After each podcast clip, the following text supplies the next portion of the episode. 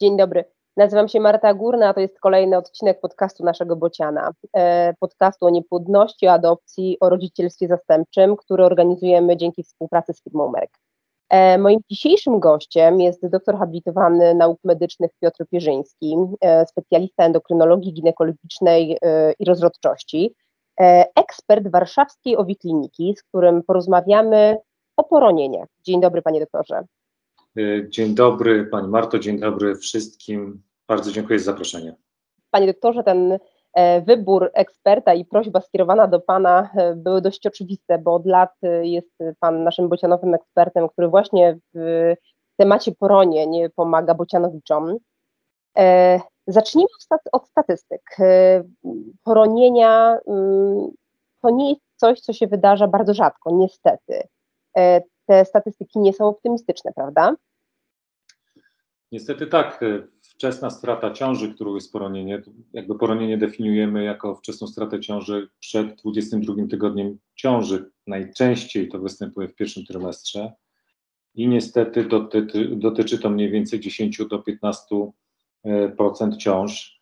Gdyby doliczyć do tego takie sytuacje, w których przesuwa się miesiączka, był dodatni test ciążowy, doszło prawdopodobnie do implantacji, ale dochodzi do miesiączki, Y, i w takiej sytuacji kobieta na przykład nie robiła testu ciążowego, nie wiedziała, że jest w ciąży. Gdyby to doliczyć, to te, ten odsetek zwiększa się nawet do 30%. Także tak jest to powszechny problem na, na jakimś etapie życia, dotyka bardzo dużej y, ilości kobiet, jest, y, jest, to, jest to często tragedia dla nich. Staramy się zapobiegać temu, staramy się to leczyć, natomiast no, jest to coś, z czym stykamy się na co dzień.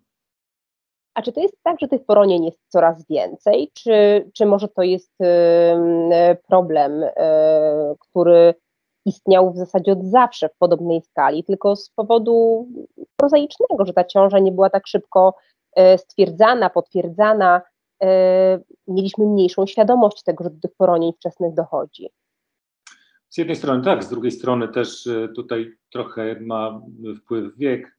E, między 25 a 29 rokiem życia ryzyko poronienia jest około 10%, to wzrasta do 17% po 35 roku życia, między 35 a 39, osiąga około 30% po 40 roku życia i ponad 57% po 45 roku życia. E, więc trochę to może być związane z wiekiem i może to być związane z tym, że częściej podejmuje się decyzję o opóźnieniu macierzyństwa i tak naprawdę później, e, później kobiety zachodzą w ciążę, jakby przechodząc równocześnie do grup o większym ryzyku. Nie obserwujemy jakiegoś zwiększonego odsetka, ogólnie rzecz biorąc, związanego nie wiem, ze skażeniem środowiska na przykład, czy z, z jakimiś toksycznymi wpływami innymi. Natomiast ten odsetek jest mniej więcej stały, natomiast struktura społeczna na to wpływa. E, dostęp do opieki zdrowotnej wpływa na to, czy możemy wykryć to poronienie, czy nie. Czyli teraz jest to częstsze, tak, mamy lepszy dostęp do badań USG. Mm, nie zawsze mm, jest to możliwe, nie zawsze kobiety mają dostęp do dobrego badania USG w pierwszym trymestrze, e, przed, przed, pierwszym, przed końcem pierwszego trymestru. E, także to się zmienia, wydawałoby się, że to się zmienia, natomiast e, jakby od takiej strony odsetków jest, jest podobnie, zmienia się struktura kobiet, które doświadczają poronienia i to głównie jest taką przyczyną naszego wrażenia, że może być tego więcej. Panie doktorze, w którym okresie ciąży mm, to ryzyko poronienia jest największe? Czy jest w czasie ciąży taki moment, kiedy, kiedy możemy już trochę odsapnąć, bo faktycznie to ryzyko utraty tej ciąży spada? Ryzyko utraty ciąży spada po końcu pierwszego trymestru, czyli w drugim trymestrze już dochodzi do utraty mniej więcej 1% ciąż, a pozostałe ciąże, które są tracone, dochodzi do strat w pierwszym trymestrze właśnie, czyli powiedzmy, że do tego 10, 11, 12 tygodnia. Łożysko w pełni jest uformowane w 10, 11 tygodniu, przejmuje funkcję ciałka żółtego, jeżeli chodzi o produkcję, produkcję hormonów. To, to jest taki moment, w którym możemy się trochę poczuć bezpieczniej, jeżeli uda się doprowadzić ciążę do, do 11-12 tygodnia ciąży bez E, problemów, to zazwyczaj idzie dobrze, tak? Czyli ryzyka, ryzyko utraty ciąży po zakończeniu pierwszego trymestru jest mniejsze. Natomiast w pierwszym trymestrze jest ono znaczące i do większości strat dochodzi właśnie, e, właśnie wtedy. A czy jeżeli kobieta e, poroni e, i jest w kolejnej ciąży, to ryzyko jej utraty jest większe niż w przypadku kobiety, która nigdy nie roniła? Zazwyczaj uważaliśmy, że nie, to znaczy uważa się, że po jednym poronieniu to ryzyko nie, nie wzrasta znacząco. E, natomiast wiemy, że ryzyko po dwóch poronieniach, ryzyko trzeciego poronienia jest około dwukrotnie większe niż w porównaniu do ryzyka takiego zdarzenia, które wystąpiło pierwszy raz. I ryzyko po trzech poronieniach jest około czterokrotnie większe, czyli później się to zwiększa, to prawda. E, w związku z tym taką typową definicję poronień nawracających, e, za którą się uważało trzy lub więcej straty ciąż, w tej chwili bardziej zaczynamy diagnostykę i zaczynamy leczenie już po dwóch stratach ciąż. Zazwyczaj po jednej stracie, jeżeli nie możemy znaleźć jakichś czynników, którym moglibyśmy to przypisać, zazwyczaj taka diagnostyka nie jest wskazana. Natomiast po dwóch lub trzech, tak, wtedy właśnie, kiedy to ryzyko zaczyna rosnąć. Panie doktorze, y, w takim okienku, które umieściliśmy na Instagramie z prośbą o pytania do y, eksperta, z którym będziemy rozmawiać o poronieniach, padło takie pytanie, o którym pomyślałam, żeby teraz je właśnie zadać. I to jest pytanie dotyczące tego, jak liczy się właśnie te kolejne poronienia w definicji poronień nawracających. Czy te poronienia powinny powinny, to w ogóle bardzo złe słowo w tym kontekście, ale muszą wydarzać się jedno po drugim, czy jeżeli po poronieniu następuje e, ciąża zdrowa zakończona porodem, to yy, kolejne poronienie jest znowu numerem jeden, czy jednak jest już drugim poronieniem? Kolejne poronienie jest znowu numerem jeden, bo to oznacza, że mechanizmy zadziałały, że doszło do zdrowej ciąży, że najprawdopodobniej nie ma jakichś systemowych problemów typu poważnych zaburzeń, czy trombofilii, czy, czy chorób genetycznych, które by skutkowały poronieniami, bo takie zawsze skutkują poronieniem. Więc y, urodzenie zdrowego dziecka no, powoduje, że nie liczymy wcześniejszych poronień. Bardzo dziękuję za odpowiedź na to pytanie. E, kolejne pytanie, które, które się nasuwa, kiedy myślimy o poronieniach, to, mm, to to, jak te poronienia właściwie można klasyfikować, bo wiemy, że nie każde poronienie wygląda tak samo. Z czego to wynika? Jedne kobiety mówią o silnym bólu, o krwawieniu, inne tak naprawdę o poronieniu dowiadują się podczas wizyty ginekologicznej, na którą idą szczęśliwe, będąc przekonane, że wszystko jest w porządku. Tak, jest kilka mechanizmów, y, na drodze których może dojść do poronienia. Jednym z rodzajów poronienia jest tak zwane poronienie chybione, czyli to jest takie poronienie, w którym nie da się tego zauważyć w żaden uchwytny sposób y, bez wykonywania badania USG. Czyli to jest taka sytuacja, w której na przykład w siódmym tygodniu ciąży widzimy e, się na pierwszej wizycie po dodatnim teście ciążowym, czyli to jest trzy tygodnie po dodatnim teście ciążowym i okazuje się, że, że mamy echo zarodka i niestety nie mamy czynności serca. Nikt o tym nic nigdy by nie wiedział y, bez badania USG. To jest jeden rodzaj poronienia. Inny E, czasami poronienie przebiega ze skurczami e, i rozpoczyna się od krwawienia. Jest to wtedy inny mechanizm. Wtedy bardziej zwracamy uwagę na to, jak, w jaki sposób funkcjonowało, funkcjonował trofoblast, czyli ta tkanka, która stanie się łożyskiem, czy tam doszło do jakiegoś krwawienia odwarstwienia tego trofoblastu. Kolejnym mechanizmem, którym, na którym może no, dojść do poronienia, są mechanizmy infekcyjne, czyli takie poronienie, które zaczyna się od infekcji wewnątrzmacicznej to bardziej już dotyczy poronień w drugim trymestrze ciąży, więc y, jest to taki niejednorodny zespół, tak, niejednorodna sytuacja to poronienie. Każda sytuacja może być inna, więc jakby taką generalną zasadą w nadzorze nad ciążą, nadzorze nad wczesną ciążą jest, jest kontakt ze swoim lekarzem i wyjaśnianie wątpliwości najlepiej na bieżąco. No, nie możemy też przesadzać, tak, nie możemy zwracać uwagę na na jakieś rzeczy, które są objawami wczesnej ciąży. Natomiast y, obowiązuje nas czynność, y, obowiązuje nas czujność y, w tej kwestii, dlatego że no, ten zespół kliniczny ma wiele twarzy. Mhm. A tutaj takie się nasuwa pytanie, e, które też e, jest, e, wiem, że interesuje pacjentki bardzo. Czy każde krwawienie, plamienie w tej początkowej ciąży, w pierwszym trymestrze, musi oznaczać najgorsze, musi oznaczać poronienie albo zbliżające się poronienie? Nie, oczywiście nie każde. To wszystko zależy.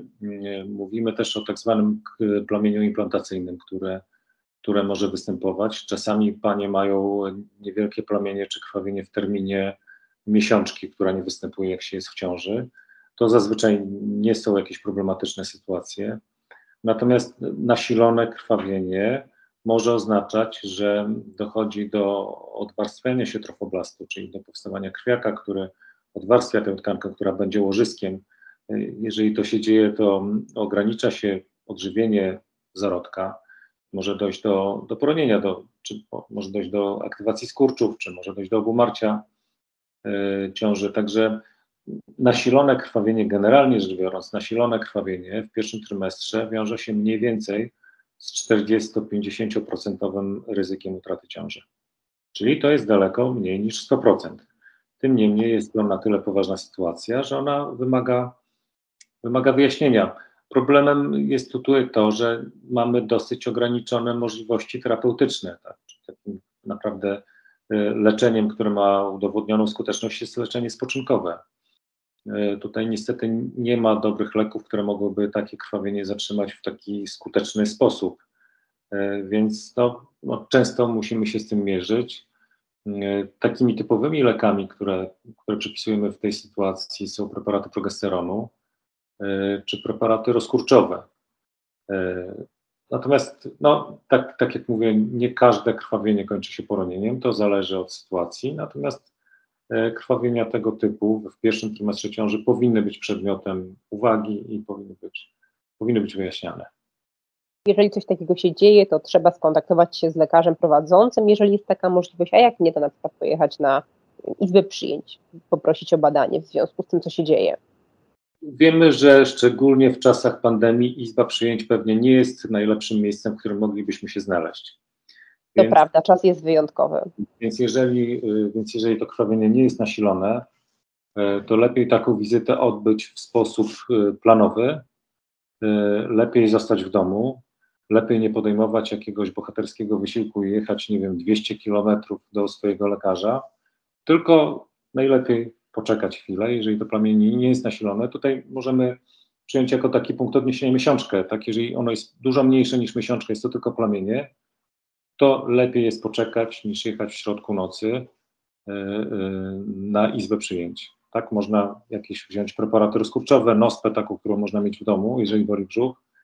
Mm, zazwyczaj panie we wczesnej ciąży mają w domu też jakieś preparaty progesteronu, też można to przyjąć. E, I najlepiej jest, no, jeżeli to jest możliwe, do, do mało nasilonych objawów staramy się podchodzić na spokojnie i w sposób planowy. E, natomiast no, wyjaśnienia wymagają krwotoki, wyjaśnienia wymagają nasilone krwawienia. E, wtedy czasami rzeczywiście trzeba się zgłosić na izbę przyjęć. Panie doktorze, jakie są przyczyny poronień? Dlaczego tracimy ciążę? Jest kilka grup tych przyczyn. Taką zasadniczo uważa się, że są to przyczyny genetyczne, czyli są to, e, są to przyczyny związane z nieprawidłowościami zarodka.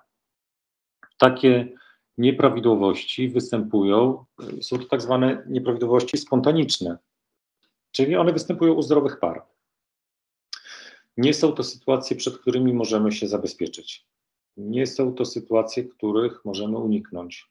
Są to sytuacje losowe. Niestety innego wyjaśnienia poza tym, że tak się najczęściej zdarza, nie ma. E, natomiast oczywiście poza tymi czynnikami genetycznymi uważa się, że one mogą odpowiadać nawet za 60-70% e, poronień. E, od razu, od razu powiem, nie ma dobrych badań, które by to stwierdziły wcześniej, albo w czasie poronienia, albo przed poronieniem. No, przyczyny poronień możemy, możemy podzielić też na, możemy wyróżnić tutaj przyczyny związane ze schorzeniami kobiety, czyli przyczyny matczyne. Mogą być to przyczyny anatomiczne, czyli na przykład problemy wady, wady macicy, takie jak przegrody macicy, czy inne choroby, y, inne choroby matki. No wiemy, że otyłość zwiększa ryzyko poronienia. Wiemy, że z wiekiem wzrasta ryzyko poronienia. Wiemy, że u kobiet z chorobami tarczycy, które są niewyrównane, źle leczone, czy z cukrzycą zwiększa się ryzyko poronienia. Czyli to jest kolejna duża, duża grupa, duża grupa schorzeń. Yy. Wiemy też, że niektóre sytuacje predysponują, yy, predysponują do poronienia. Na przykład yy, podejrzewa się, że przebyte poronienia, tak jak mówiliśmy, że niektóre leki yy, mogą predysponować, mogą zwiększać ryzyko poronienia, czy używki, takie jak alkohol czy papierosy, czy stres. Nawet przypisuje się y, zwiększone ryzyko poronienia pracy zmianowej czy pracy nocnej. Znaczy, tych, czynników jest, tych czynników jest dużo, czynników ryzyka i, i przyczyn. Przyczyny są niejednorodne, czasami trudno je określić, czasami y, najczęściej te poronienia występują u zdrowych osób. Y, trudno nam określić dlaczego. A czy niepłodność jest czynnikiem, które który w kontekście poronień może mieć znaczenie, może zwiększać ryzyko poronienia? Generalnie nie obserwujemy u pacjentek, które były leczone z powodu, u par, które były leczone z powodu niepłodności i udało im się zajść w ciążę, nie obserwujemy większych odsetków poronień niż w przypadku ciąż naturalnych. Y, są to podobne wartości. Oczywiście przy poprawce na przykład na wiek, czy przy poprawce na przykład na choroby współistniejące, bo powiemy, że na przykład y, wśród pań, które, y, które są leczone z powodu niepłodności, więcej będzie pań relatywnie nieco starszych od kobiet zachodzących w ciąży naturalnie, czy pań, które, no większy odsetek będzie pań, które mają dodatkowe choroby. Y, natomiast samo leczenie niepłodności nie wykazano, by wpływało na zwiększenie ryzyka poronienia. Czy mogę przez to y, rozumieć, y, że y, leczenie metodą in vitro również nie będzie czynnikiem, który zwiększa ryzyko poronienia? Nie, samo leczenie nie wpływa na ryzyko poronienia. Tak jak mówiłem, mogą wpływać, sytuacja, sytuacja medyczna kobiety może na to wpływać dodatkowo, jeżeli ma jakieś dodatkowe schorzenia. Natomiast nie obserwujemy większych odsetków poronień po, po leczeniu in vitro musimy pamiętać, że tutaj y, te ciąże są pod szczególnym nadzorem. Tak? Wiemy od samego początku, kiedy dochodzi do ciąży, bo wiemy, kiedy robimy transfer zarodków. Wiemy dokładnie, kiedy powinniśmy zrobić y, pierwsze badanie USG y, po dodatnim teście ciążowym. Mm, więc tutaj nie ma takiej sytuacji, że tak jak w ogólnej populacji kobiet, które zachodzą w ciąży naturalnie, coś możemy przegapić. Tutaj niczego nie przegapimy, tutaj zawsze wszystko zostanie wykryte. E, więc e, no, no, może stąd też e, jest nasza taka uwaga bardziej skierowana na to i na poronienia po leczeniu niepłodności. Natomiast nie, nie ma dowodów, żeby te odsetki poronień były większe. No tak, patrząc na to, jak większość kobiet przechodzi procedurę i z jaką niecierpliwością czeka na wynik tej procedury, no możemy z pewnością właściwie powiedzieć, że już e, dwa tygodnie po transferze każda z kobiet wie, czy zaszła w ciążę, czy nie. E, ale ta pozytywna beta nie zawsze jest betą rosnącą i taką, która no, przechodzi w zdrową ciążę, którą można potwierdzić w obrazie USG. Niestety tak, tutaj dodatkowo jakby to, to o czym mówiłem, jeżeli każda kobieta miałaby sobie testować betę w dniu spodziewanej miesiączki, jeżeli ta miesiączka będzie się spóźniała dwa dni, dwa dni później i jeszcze dwa dni później, to wtedy by się okazało, że duży odsetek z nich miało dodatnie beta-HCG. Czyli to nadraportowanie wczesnej straty ciąży na etapie ciąży biochemicznej, czyli takiej, że beta była dodatnia, a potem spadła, jest związane z tym, że to częściej badamy. Tak, czyli y, szacuje się, że wtedy, gdyby to wliczyć do odsetków poronień, to, to odsetki poronień wynoszą powyżej 30%. No i zwracamy na to uwagę. Tak nie ma, y, y, to już doliczany jest bardzo, bardzo duży, duży margines. Y, tak po leczeniu in vitro oczywiście nie jest. My obserwujemy, że jest około 10 do 15% dodatnich testów, które nie kończą się później dalszym przebiegiem ciąży. Więc jest to zbliżone, plus no, do tego jest ta poprawka tego nadraportowania z uwagi na, na częste badanie tych pacjentek. Panie doktorze, pytanie, które myślę bardzo na czasie i bardzo, e, bardzo interesuje nasze słuchaczki, naszych słuchaczy. Mamy pandemię. E, jak na przebieg ciąży, a właściwie ryzyko poronienia e, może wpłynąć szczepienie i czy w ogóle może wpłynąć na, na tą ciążę i, i zwiększyć ryzyko poronienia? Kobiety bardzo boją się tego szczepienia. Właściwie już na etapie starań o ciążę, a, a w ciąży to już, to już ten lęk no, przyjmuje bardzo, bardzo jakieś duże rozmiary. Jak to wygląda? Bać się należy covid a nie szczepień. Tak, tak zasadniczo można jednym zdaniem odpowiedzieć, bo hmm. samo szczepienie nie ma dowodów, żeby zwiększało odsetki poronień. Wszystkie opracowania, które są dostępne, mówią nam o tym, że nie ma to wpływu. Rzeczywiście po szczepieniu czasami zdarzały się odczyny poszczepienne, takie jak gorączka, która może być nie, no, nieprzyjemnym aspektem i może wzbudzać zdenerwowanie, szczególnie u pań w ciąży. Natomiast y, nie wykazano, żeby wiązało się to ze zwiększonym odsetkiem poronień. E, natomiast infekcja covidowa, a i owszem, niestety, y, wiemy, że ciąża jest czynnikiem ryzyka ciężkiego przebiegu y, tej, tej choroby. Ocenia się, że nawet pięciokrotnie zwiększa ryzyko ciężkiego przebiegu, ciąża zwiększa ryzyko ciężkiego przebiegu COVID-u i przez ciężki przebieg COVID-u nie mamy na myśli o dwa dni dłuższą gorączkę, czy tylko poważne, poważne konsekwencje zdrowotne. W związku z tym no, wszystkie towarzystwa naukowe zalecają szczepienie kobiet w ciąży. Jeżeli jesteśmy w stanie to zaplanować i planujemy ciążę, to oczywiście najlepiej, żeby już pozbyć się tej, te, te, tego zastanawiania się, najlepiej zaszczepić się jak najszybciej e, przed ciążą. E, natomiast jeżeli, jeżeli ktoś jest już w ciąży, to zalecamy szczepienie jak, jak najszybsze. Wcześniej były zalecenia, żeby się szczepić w drugim trymestrze. To było głównie, nie w pierwszym, to było głównie po to, było to głównie z tym związane, że starano się uniknąć wszelkich, wszelkich asocjacji między poronieniami, e, które zdarzają się częściej w pierwszym trymestrze, a szczepieniem. Nie wykazano takiego, e, nie wykazano takiego połączenia. Więc no, Zachęcamy zawsze na, nasze pacjentki, żeby się szczepiły. Uważamy, że szczepienie przeciw COVID jest elementem przygotowania do ciąży, świadomego przygotowania do ciąży. Natomiast sytuacja w tej chwili jest, jest trudna, jest pandemiczna, jest dynamiczna i, i w tej chwili niestety obawiam się, że jakby dylematem jest to, czy wolimy się zaszczepić, czy wolimy mieć COVID-a, niestety. Sam COVID na przebieg ciąży może mieć wpływ. Nie wykazano jakkolwiek y, wpływu tej infekcji jakiegoś specyficznego. Taki, tak jak może pamiętacie Państwo, był taki wirus, czy jest taki wirus Zika, ten wirus jest w Ameryce Południowej głównie i on powoduje wady wrodzone. Y, COVID y, nie wykazano by powodował wad wrodzonych, nie ma specyficznego działania na ciążę. On ma niedobre działanie, tak jak każda ciężka ogólnoustrojowa infekcja. Tak, te dane dotyczące e, ciężkiego przebiegu zachorowania e, kobiet w ciąży na COVID e, są szczególnie niepokojące w kontekście tych aktualnych mutacji. Z tego, co słyszę, co czytam, to tak jakby z każdym kolejnym, przynajmniej na razie z każdym kolejnym wariantem wirusa, ten odsetek kobiet w ciąży, które ciężko przechodzą COVID, jest coraz większy. No jest to tragedia, dlatego że temu można byłoby zapobiec. E, także, no, tak, tak, jak mówię, uważamy, że szczepienie przeciw tej chorobie jest, e, jest częścią przygotowań do ciąży. No ale panie doktorze, e, czytam komentarze kobiet, które przecież wiemy, że chcą dobrze dla siebie, dla swoich dzieci przyszłych, które piszą o tym, że przecież w ciąży nie można przyjmować żadnych leków, że nawet w przypadku przeziębienia nie można podstawowych leków używać, że w ciąży nie można się szczepić. Czy to jest prawda?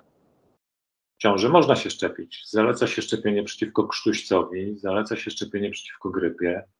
Jeżeli jest, to, jeżeli jest to potrzebne, to szczepimy też i zawsze szczepiliśmy przeciwko wirusowemu zapaleniu wątroby typu B. Nie zaleca się szczepienia szczepionkami zawierającymi żywe y, wirusy inaktywowane, tak? Czyli nie szczepimy na przykład przeciwko różyczce, bo jest to, to mogło być niekorzystne, tak? To, to jest szkodliwe, czyli E, niektóre towarzystwa naukowe zalecały przerwę między szczepieniem na różyczkę a zachodzeniem w ciąży. Natomiast to nie dotyczy szczepionek, które nie zawierają całych wirusów inaktywowanych. Szczepionki mRNA zawierają fragmenty tylko wirusa, szczepionki na grypę zawierają tylko e, białka, część białek tego wirusa, podobnie jak szczepionka na wirusowe zapalenie wątroby typu B. To prawda, że ilość leków dostępnych w ciąży jest ograniczona. To prawda, że lekarze, szczególnie no, innych specjalności niż ginekolodzy, boją się stosować leków i boją się kobiet w ciąży. E, natomiast no, też jakby ciąża nie jest, nie jest taką sytuacją szczególną. Większość leków, tak naprawdę, dużą część leków możemy bezpiecznie stosować w ciąży. E, nie należy się tego obawiać. E, także tutaj to jest to nie jest jakiś trudny dylemat, wydaje mi się, dlatego że, dlatego, że na szali jest nasze bezpieczeństwo i życie. Panie doktorze, jak wygląda diagnostyka poronień? E, kiedy już no jesteśmy w tej trudnej sytuacji, że, że to nie raz, ale drugi albo trzeci tracimy ciążę e, i chcemy sprawdzić, e, co tak naprawdę się dzieje. Mm, jakie badania są zlecane kobiecie, mężczyźnie, parze? E, I, I, jaka jest szansa, że, mm, że znajdziemy przyczynę tego, że, no, że dzieje się niedobrze? Jest kilka grup badań, które zlecamy. Mm, pierwszą grupą są badania, y, takie podstawowe badania zupełnie, żeby zobaczyć, czy, czy, czy nie ma jakichś schorzeń dodatkowych, tak? czyli na przykład y, ocena funkcji tarczycy, y, czy ocena insulinooporności, Specyficznymi badaniami są badania schorzeń z grupy trombofilii. Mogą to być trombofilie wrodzone albo trombofilie nabyte. Trombofilie są to takie stany, w których dochodzi do nadmiernej skłonności do krzepnięcia krwi. I okazuje się, że ta nadmierna skłonność do krzepnięcia krwi może objawiać się poronieniami. Podejrzewa się, że, że tutaj dochodzi do głosu y, problem, dochodzą do głosu problemy z powstawaniem, właściwym powstawaniem łożyska, czy właściwym transferem mm, składników odżywczych przez łożysko, jeżeli dochodzi tam do zakrzepów. Y, trombofilie mogą być wrodzone, czyli takie no, genetyczne, determinowane genetycznie. Są na to badania, zaleca się ich wykonanie.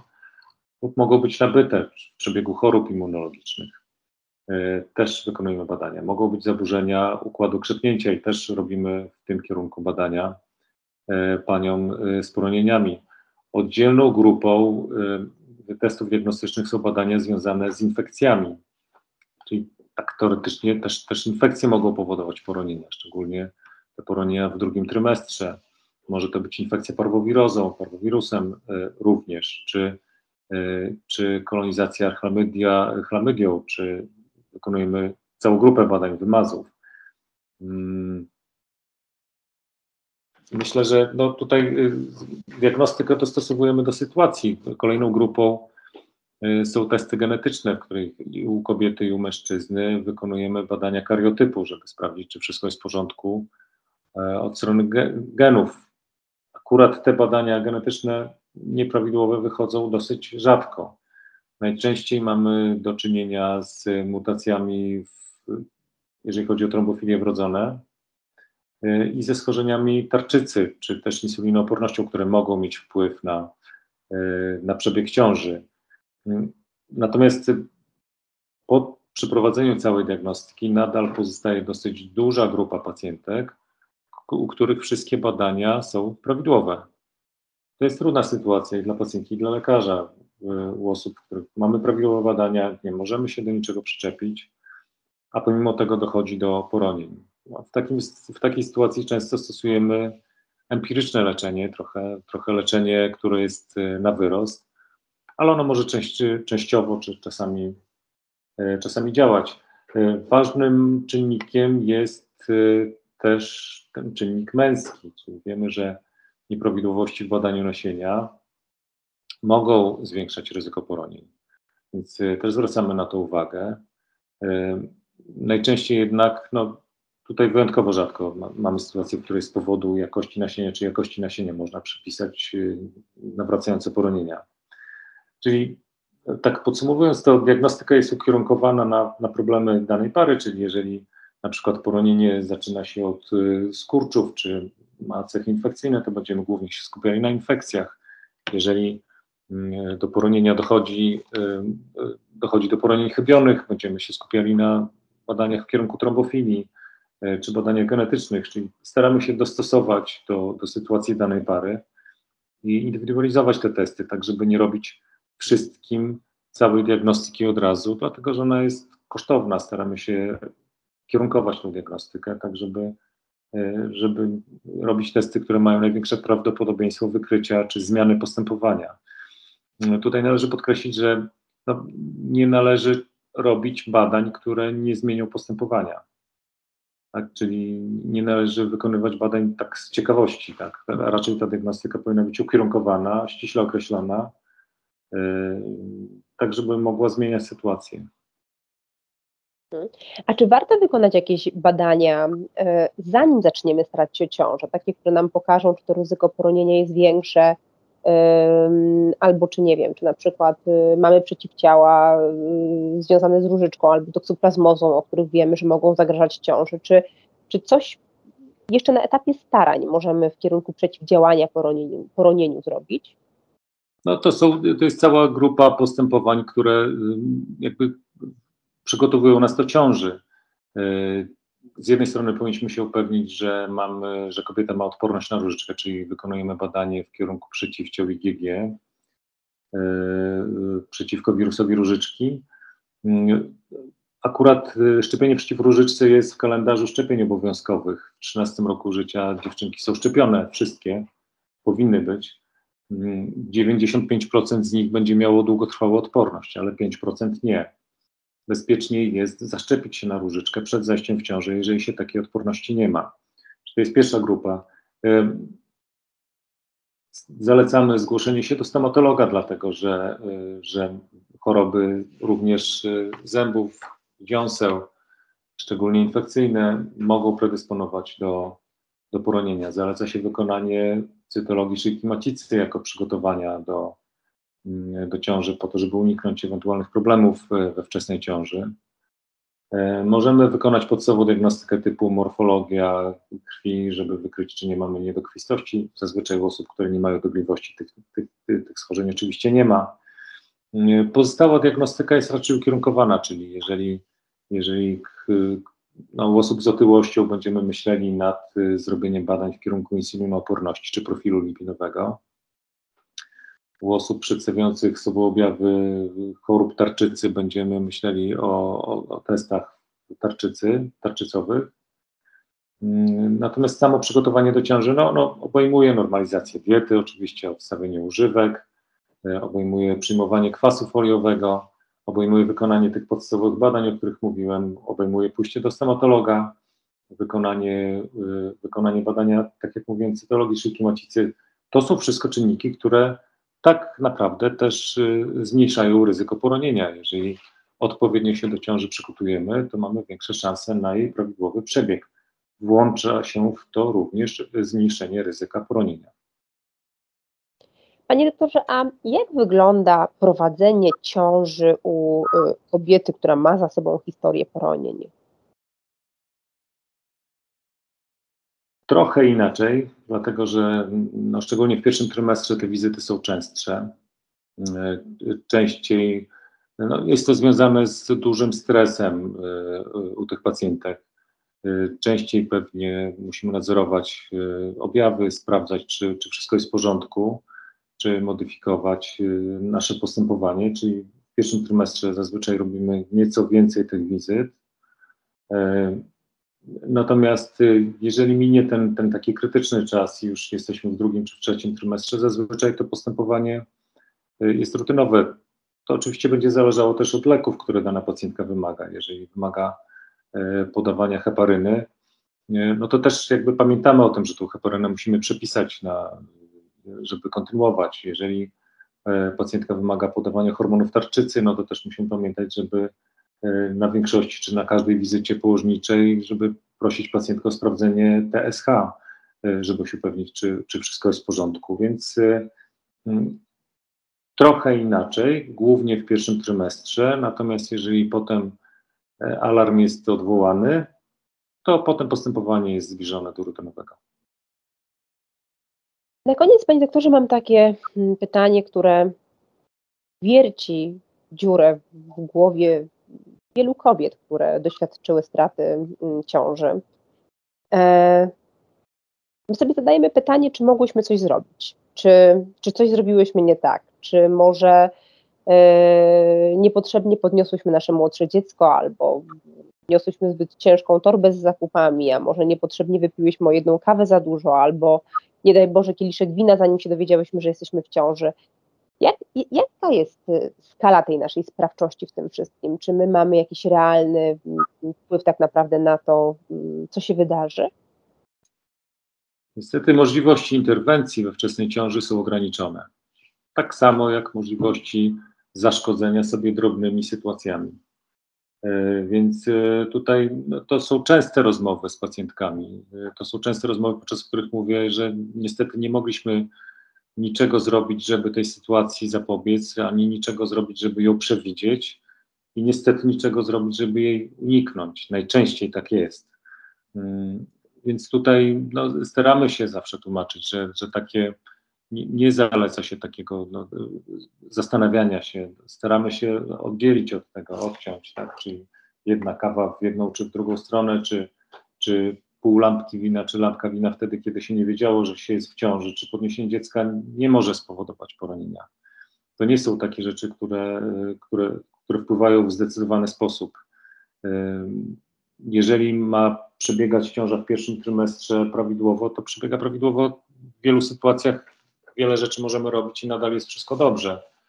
E, więc e, tutaj takie drobne sytuacje nie mają wpływu. E, zawsze jakby staramy się to mówić pacjentkom, żeby się, żeby się panie tym nie zadręczały, że niestety Niestety czasem się tak zdarza, niestety, niestety tak się może trafić i niestety nie zawsze mamy sprawczość w tym, w tym zakresie, więc najczęściej staramy się to tak racjonalizować, no, że tak, tak mogło być, że to jest trochę statystyka, że, że nie mogliśmy do wielu rzeczy podejść inaczej. Natomiast no, rzecz, rzecz ma się w inny sposób, jeżeli takie sytuacje się powtarzają, czyli poronienia, jeżeli się powtarzają, no to wtedy jakby wdrażamy diagnostykę, staramy się leczyć, staramy się podejmować interwencje. Duża część tych interwencji y, kończy się dobrze, to znaczy najczęściej dzięki tym interwencjom jesteśmy w stanie zmniejszyć ryzyko do tak zwanego poziomu populacyjnego. Czyli nigdy nie mamy pewności, e, natomiast możemy osiągnąć taką sytuację, w której to ryzyko jest e, mniejsze. No i tego się staramy trzymać. Tego się trzymajmy. Panie doktorze, bardzo serdecznie dziękuję Panu za naszą dzisiejszą rozmowę. E, przypominam Państwu, że moim dzisiejszym gościem e, jest doktor habilitowany nauk medycznych Piotr Pierzyński z Warszawskiej Obi Kliniki. E, pana doktora znajdziecie również na forum eksperckim naszego Bociana, gdzie odpowiada na Wasze pytania. Zawsze gorąco Was tam zapraszamy. Dziękuję bardzo, panie doktorze. Bardzo dziękuję, pozdrawiam wszystkich. Do usłyszenia. Do usłyszenia.